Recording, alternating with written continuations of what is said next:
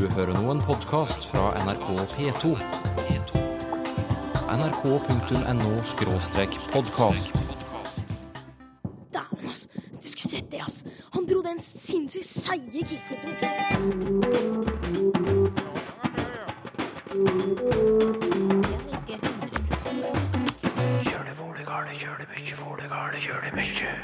Isolasjon kan gjøre et språk mer komplekst. For eksempel I noen dialekter på Vestlandet, i små samfunn, i et språk eller en dialekt som har fått være i fred. ordet jo er lite, men ikke uten betydning for det. Skal vi dra og bade? Skal vi dra og bade? Nei, er du gal? Det snør jo i dag. Og bisken dukker opp i lytterspalten. Det er en eh, kanskje litt sind hund som, som biter. Blir språket alltid enklere når det endrer seg? Det snakket vi om forrige gang. Så bergenserne de har så å si avskaffa hele hunnkjønnet og sitter igjen med to kjønn istedenfor tre. Altså reell forenkling. Det var for en uke siden, altså. Men i dag, Jan Christian Hognestad, er du her for å fortelle at noen ganger gjør endringer språket ikke enklere, men mer komplekst. Eksempel? Ja, eh, et eksempel som eh, jeg veldig fort kommer på, det er det som kalles for tonelag i norsk. Ikke sant? Altså det at eh, tanken og tanken Ja. er to forskjellige ord. Sånn har det ikke alltid vært i norsk. Norrønt, regner vi med, hadde ikke dette systemet som moderne norsk har. Så det er altså noe som har utvikla seg i mellom norrønt og i dag, og det må vi vel ubetinga regne som en kompleksifisering av grammatikken. Altså et grammatisk trekk som språket ikke hadde før. Og da spør man seg jo hvorfor. Altså, hva er det som avgjør om et språk blir enklere eller mer komplekst, da? Ja, eh, og det jo, eh, vil jo være et stort ønske for oss språkforskere at vi på en måte kunne forutse det lite grann. Omtrent som meteorologen eh, forutser hva vær det skal komme til å bli, så kunne vi si noe om hva skal til for at forenkling skal skje, og hva skal til for at komplifisering skal skje. Eh, og da har jeg lyst til å trekke inn en kollega av meg i Storbritannia som heter Peter Trudgill. Ja. Han ga ei, ut ei bok for en tre-fire år siden som handler om nettopp dette. Og han setter opp to stikkord eh, for eh, språkendringer av den typen vi snakker om nå. Og de stikkordene, det er isolasjon og kontakt. Og hvis vi først snakker litt om eh, isolasjon, så tror jeg vi skal være klar over at hvis en grammatikk skal bli mer kompleks enn den var før, så tar det tid. Kompleksifisering tar tid. Eh, og da er det viktig at samfunnsforholdene, for her må vi nok litt ut av språket og inn i samfunnet, samfunnsforholdene må være relativt stabile. Eh, det må kanskje være samfunn med få eh, talere, og språket må få lov å være i fred. Og det er jo det vi legger i isolasjon, egentlig, at folk bor der de bor, i generasjon etter generasjon. Da, sier Peter Trudgill, da ligger det til rette for at grammatikken kan bli mer kompleks. Har du et norsk eksempel på hvordan isolasjon har gjort eh, språket mer komplekst? Ja, eh, da skal vi gå til en ordklasse som heter determinativ, og det er det vi kan kalle bestemmerord. Og da vil eh, alle som hører på, helt sikkert kjenne igjen når jeg sier at eh, vi har to veldig viktige bestemmerord. Det ene er denne, og det bruker jeg av noe som jeg nærmest kan peke på for meg og deg. Vi ser det begge to, og jeg kan peke på det og si 'denne bilen', for eksempel. Ja. Men hvis det er en bil som er langt vekke, så er det ikke denne, da er det den. Altså en deling mellom denne og den. Det har norsk hatt veldig lenge, helt siden norrønt. Men i noen dialekter på Vestlandet så bruker de ikke en todeling, som den jeg nettopp nevnte, men faktisk en tredeling. Hvordan er den? Ja, skal du høre. Der sier de, hvis det er noe som er veldig nær oss, så vil de si dinna. dinna her. Dinna. Og hvis det er noe som er litt lenger vekke, men ikke veldig langt vekke, så vil de si danna. Danna. Sånn at det blir denne her og danna der. Og hvis det da er noe som er helt vekke eller langt vekke, så blir det fremdeles den, eller i eldre språk faktisk hin. Ja. Sånn at mens norsk stort sett, og helt ifra norrønt, har hatt en totrinnsrakett for bestemming, så har noen dialekter på Vestlandet, og jeg har det sjøl fra Tysnes i Sunnhordland, et treveissystem, en tretrinnsrakett. Og det tror vi nok er noe som må ha utvikla seg i disse dialektene, og som altså har gjort dette systemet mer komplekst enn det har vært. Og det har utvikla seg i små samfunn, over tid, i et språk eller en dialekt som har fått være i fred. Men eksisterer det fremdeles? Er det i bruk i dag? Ja da, det er absolutt i bruk i dag. Eh, nå er det jo sånn at eh, hvis vi går til fjortisene blant oss, så er det nok mangt og mye, sjøl på Vestlandet, som eh, står i fare for å forsvinne. Sikkert òg dette. Men eh, en kan bare reise en tur til Vestlandet, så får en høre tretrinnsraketten i bestemmerordene. Det var, det var et eksempel på hvordan isolasjon kan påvirke språket. Men hva med kontakt, som var det andre stikkordet ditt? Ja, eh, da kunne en kanskje tro at isolasjon fører til eh, eh, kompleksifisering, og kontakt fører til forenkling. Ja. Så enkelt er det faktisk ikke. Å, nei. For kontakt Du ante det, skal du si. Ja, jeg gjorde kanskje det. Ja. Eh, kontakt, sier den samme Peter Trudgill, kan nemlig slå begge veier. Eh, for det første må vi eh, si at eh, forenkling, det kan skje fort. Jeg sa jo i stad at kompleksifisering tar tid. Forenkling kan skje fort. Og da sier Trudgill at hvis kontakten er språkkontakt mellom voksne, eh, voksne som må kunne snakke sammen, men som i utgangspunktet snakker ulike språk. Ja. Hvis jeg og du snakker ulike språk, men jeg mistenker at du kan forstå litt av mitt språk, da kan jeg prøve å snakke til deg på en forenkla variant av mitt språk, og sånn sett kan vi eh, eh, greie å kommunisere. Og hvis det skjer veldig mye på et eh, avgrensa geografisk område, så kan det faktisk, altså sånn voksenspråkkontakt, kan faktisk føre til eh, forenkling. Har vi, har vi sett det i norsk språkhistorie? Ja, visst har vi det. Eh, Det er ofte eh, aktuelt å reise til Bergen når en skal forklare ting i språkhistorien, og det kan vi gjøre her. Altså, kontakten mellom norsk og hansatysk i Bergen førte jo nettopp til forenklinger i den norske grammatikken på mange måter, og der var det jo nettopp voksenkontakt. Det var de voksne næringslivsfolkene som hadde kontakt med hverandre. Men, men så sier du at kontakt kan slå begge veier, så når kan kontakt gjøre språket mer komplekst? Ja, eh, i stad husker du at jeg sa at kompleksifisering krever stabilitet. Ikke sant? Og det som skjedde i Bergen, det var sikkert grunnleggende ustabilt når, når Hansatida var på sitt høyeste. Men tenker vi oss nå to språksamfunn som er geografisk så nære at de som bor der, stort sett lærer begge språkene. De blir tospråkige. Og det betyr ikke bare de voksne, men, og det er helt essensielt her, ifølge Peter Trudgill, ungene. Ja. Der unger lærer to språk og blir tospråkige, og er det over tid, og er det gjennom hele livsløpet sitt, da kan det hende at det skjer kognitive prosesser som gjør at det ene språket de kan, tar opp trekk ifra det andre språket. Sånn at stabil tospråkighet, det er en form for kontakt som kan skape kompleksifisering i grammatikken, sier Peter Trudgill. Ja, og hvor kan vi se det, da? Har du noe eksempel der?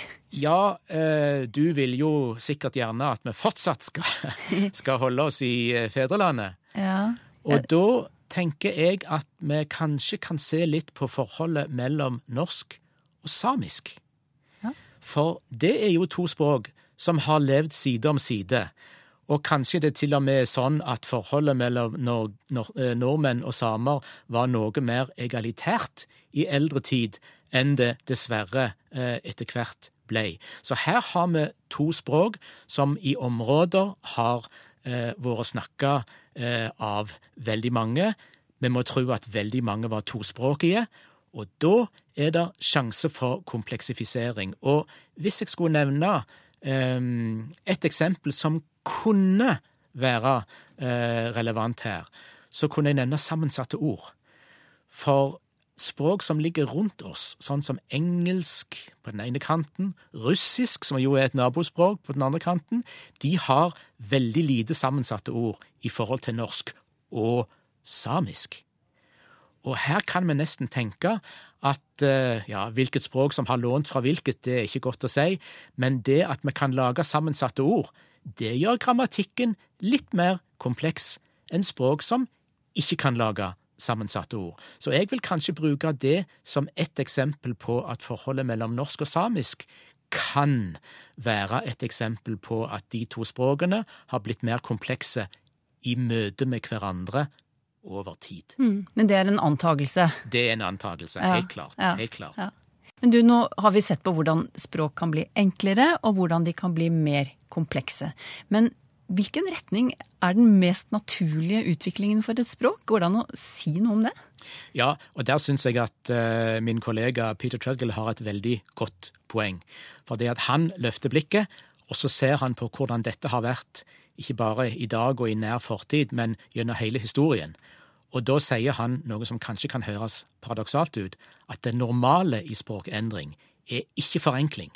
Det normale er faktisk kompleksifisering. Det er sånn det har vært. At språk har blitt overlatt til seg sjøl, for å si det sånn, eh, og har utvikla mer kompleks grammatikk. For, ikke sant, hvis forenkling hadde vært det som uvegerlig ville skje, så var det jo grunn til å tro at verdens språk i dag hadde vært mye enklere enn mange språk faktisk er. Så han sier da at eh, det normale historisk statistisk sett, det er kompleksifisering. Men hvis vi gjør det som vi ofte har en tendens til å gjøre, nemlig se på skylapper med utviklingen og se på dagen i dag, så kan det nok snarere sies at forenkling er det som er i ferd med å skje, rett og slett fordi vi har samfunnstyper og samværsformer i dag som favoriserer forenkling. Så ja, i dag er det forenkling, men sånn har det jammen ikke alltid vært. Sa språkforsker Jan Christian Hognestad ved Universitetet i Stavanger.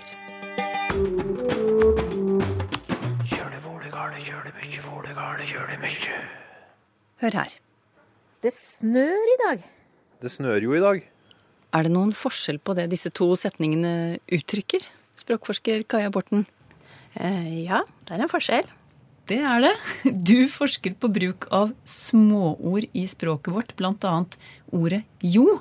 Og hvordan påvirker jo et utsagn, som, som det vi hørte nettopp?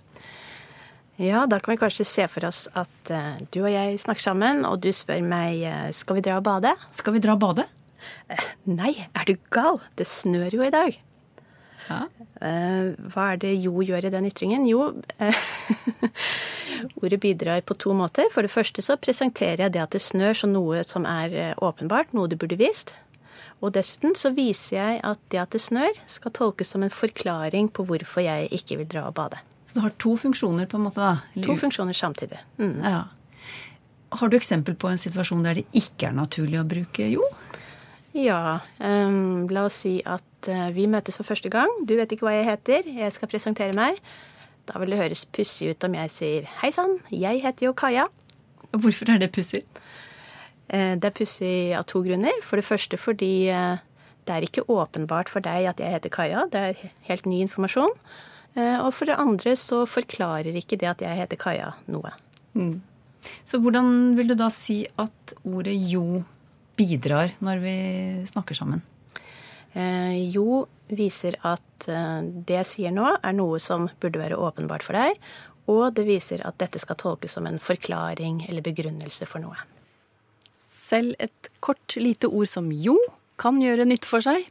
Kaja Borten er språkprofessor ved NTNU i Trondheim. Vil du hjelpe oss i NRK med å uttale navnet på bostedet ditt riktig?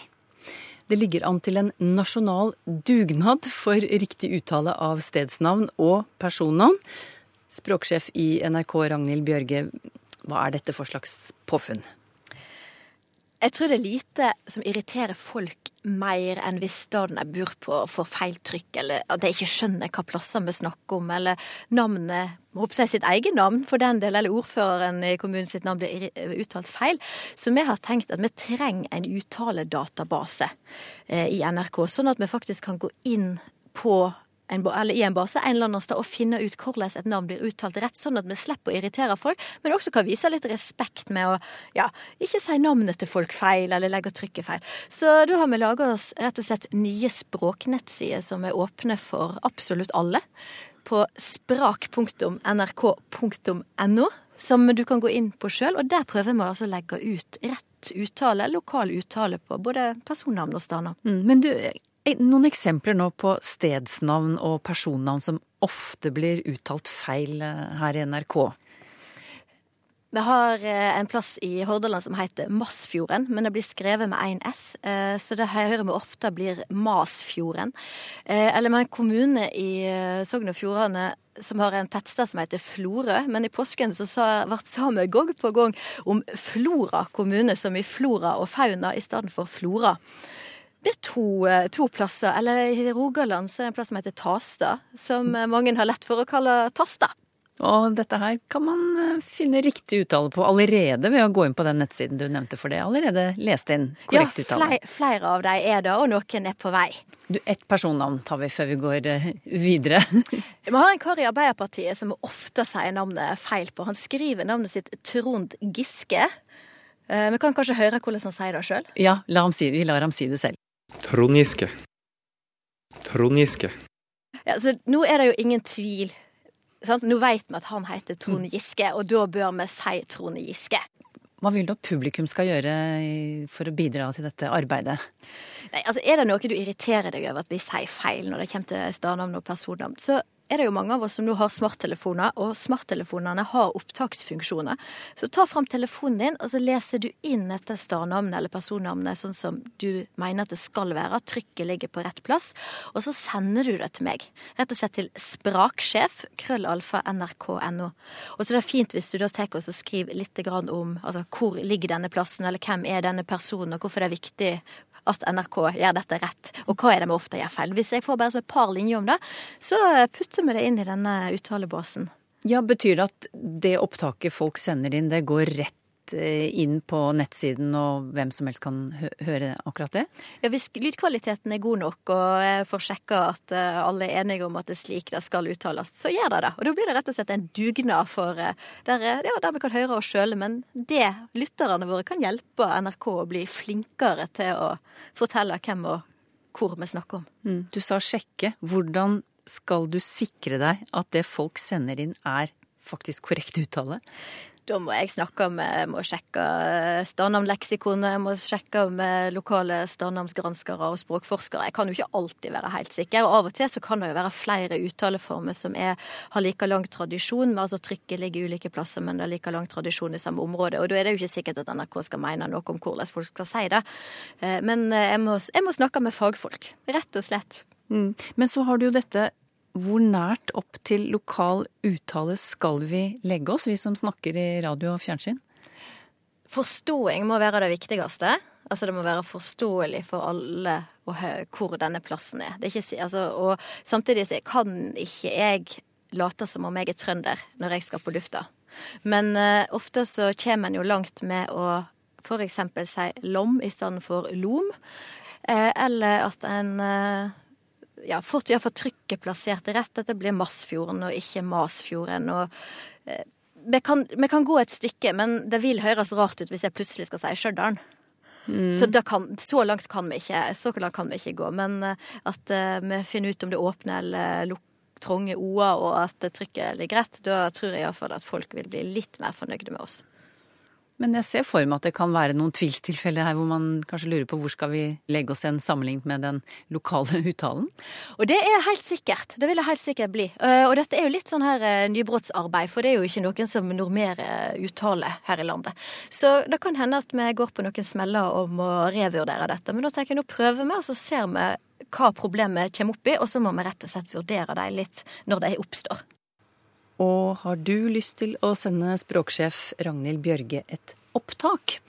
Da bruker du denne adressen spraksjef krøllalfa nrk.no. Og språksiden som eh, Ragnhild Bjørge nevnte, den finner du her. sprak.nrk.no. Blir kveld, så blir det morgentall, og så blir det ML-tall, hvis ikke jeg blir flau.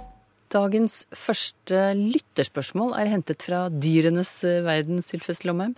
Det er Hanne Sissel Kullerud Nilsen som spør hvor kommer bisken i flink bisk fra? Og kan Bissevov eh, være en slektning? Det er helt sikkert. Bissevov, altså bisse, forledet der, er det samme som bisk.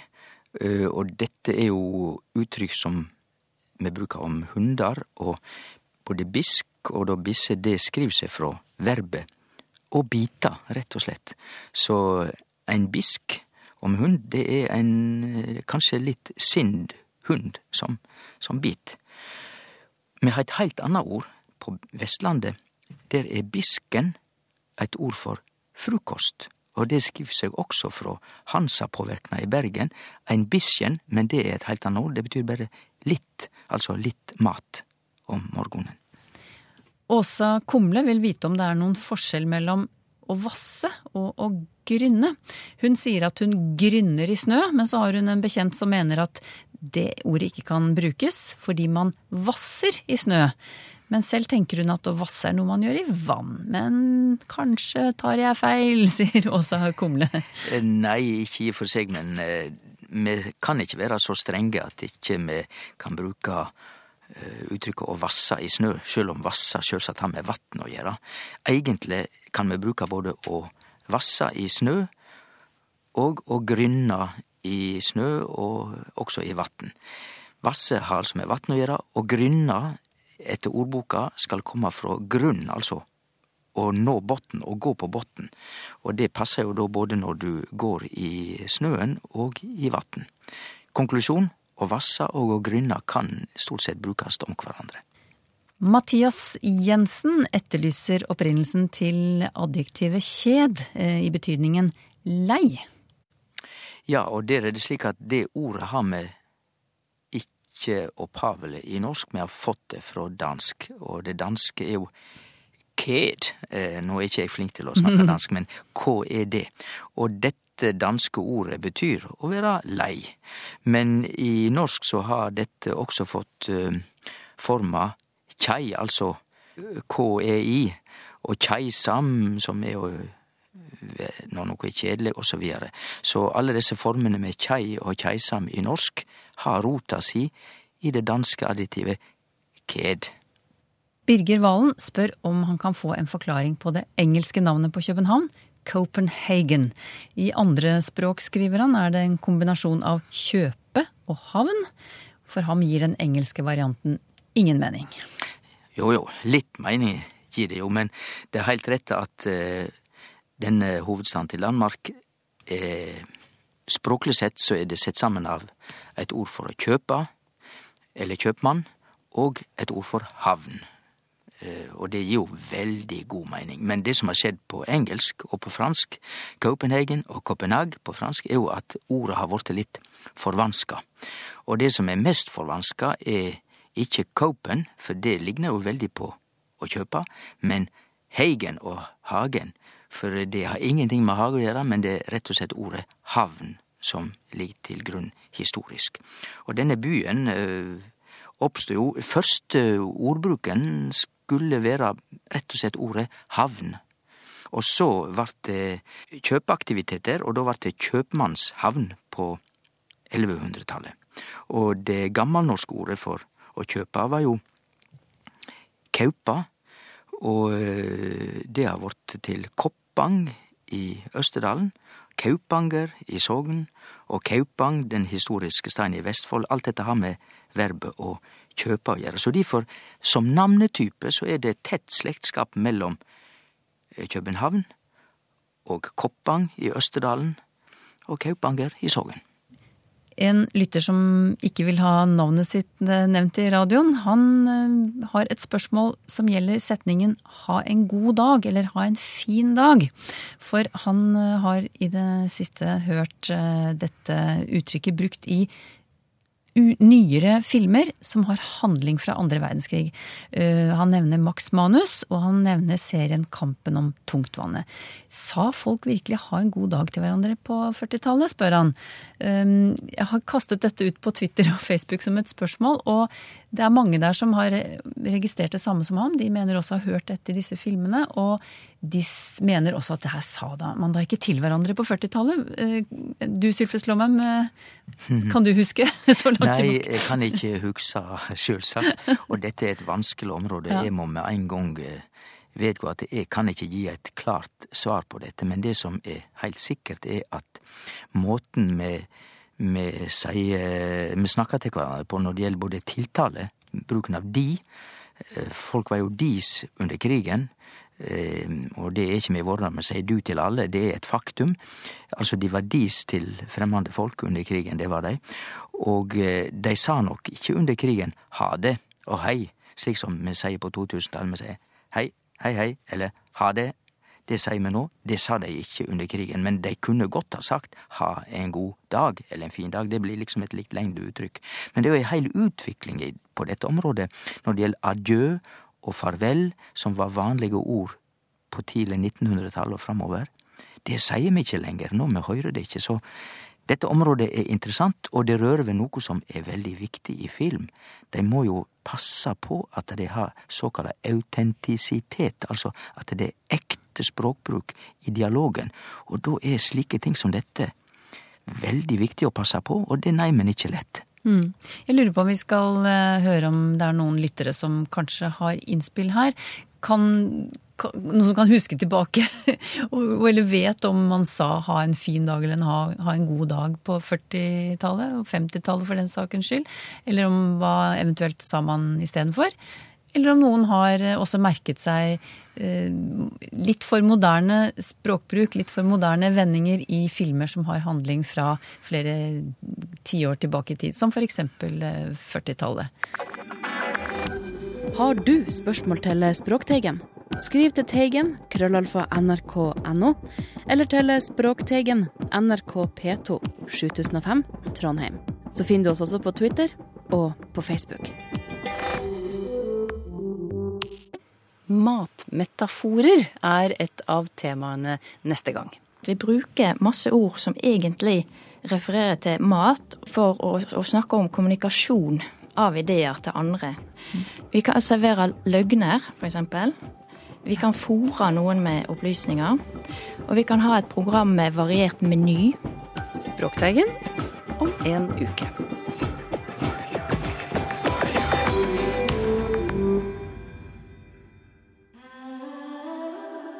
nrk.no podkast.